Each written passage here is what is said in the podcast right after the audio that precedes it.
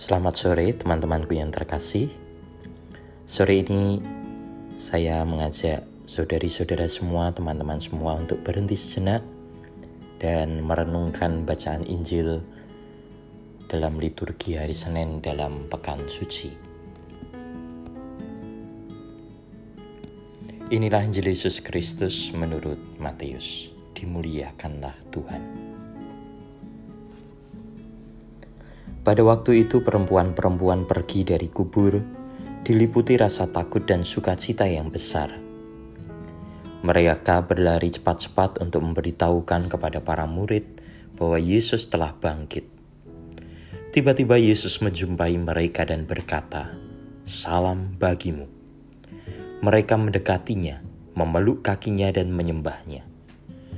Maka kata Yesus kepada mereka, "Jangan takut.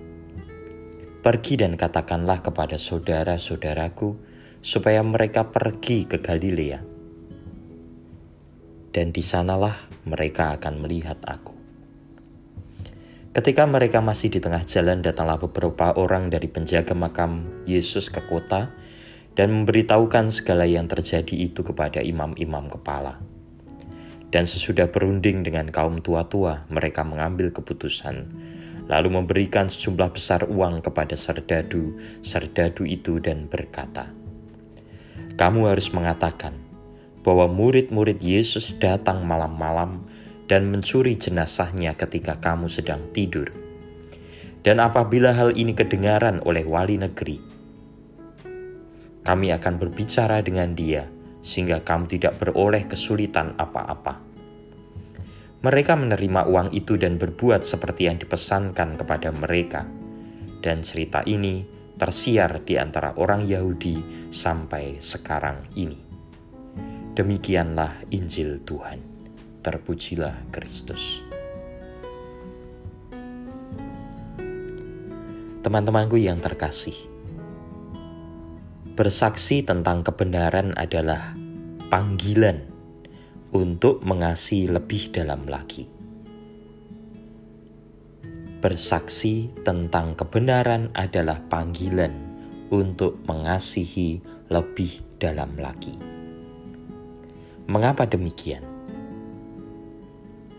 Di dalam bacaan pertama, nanti saudari-saudara bisa membaca sendiri dari kisah para rasul bab 2 ayat 14 sampai dilanjutkan ayat 22 sampai 32 tentang kesaksian Petrus. Dan juga di dalam bacaan Injil yang kita, tadi kita dengarkan, perempuan-perempuan yang menjadi saksi-saksi pertama kebangkitan Yesus. Dengan menceritakan tentang kebenaran, mereka menjawab panggilan untuk semakin mengasihi Yesus Tentu karena ini adalah panggilan untuk mengasihi Yesus terutama. Ada sukacita besar di sana. Karena mereka tahu kesaksiannya adalah panggilan untuk mengasihi Yesus lebih dalam lagi, bukan untuk mengasihi diri mereka sendiri. Sebaliknya, Para imam kepala dan kaum tua-tua tidak bisa menangkap panggilan untuk mengasihi karena mereka sibuk membenci. Mereka sibuk membenci. Yang terjadi adalah karena mereka sibuk membenci, yang mereka ceritakan bukan tentang kebenaran, tetapi berita palsu Maka saudari dan saudaraku teman-temanku yang terkasih, gosip, berita palsu, hoax, kebohongan, itu tidak hanya terjadi sekarang, tetapi sudah terjadi bertahun-tahun yang lalu ketika orang sudah mulai sibuk untuk membenci. Maka teman-temanku, mari kita bersaksi tentang kebenaran karena meskipun sulit, itu adalah panggilan untuk lebih mengasihi, lebih dalam lagi. Jangan habiskan waktumu untuk sibuk membenci. Salam berhenti sejenak.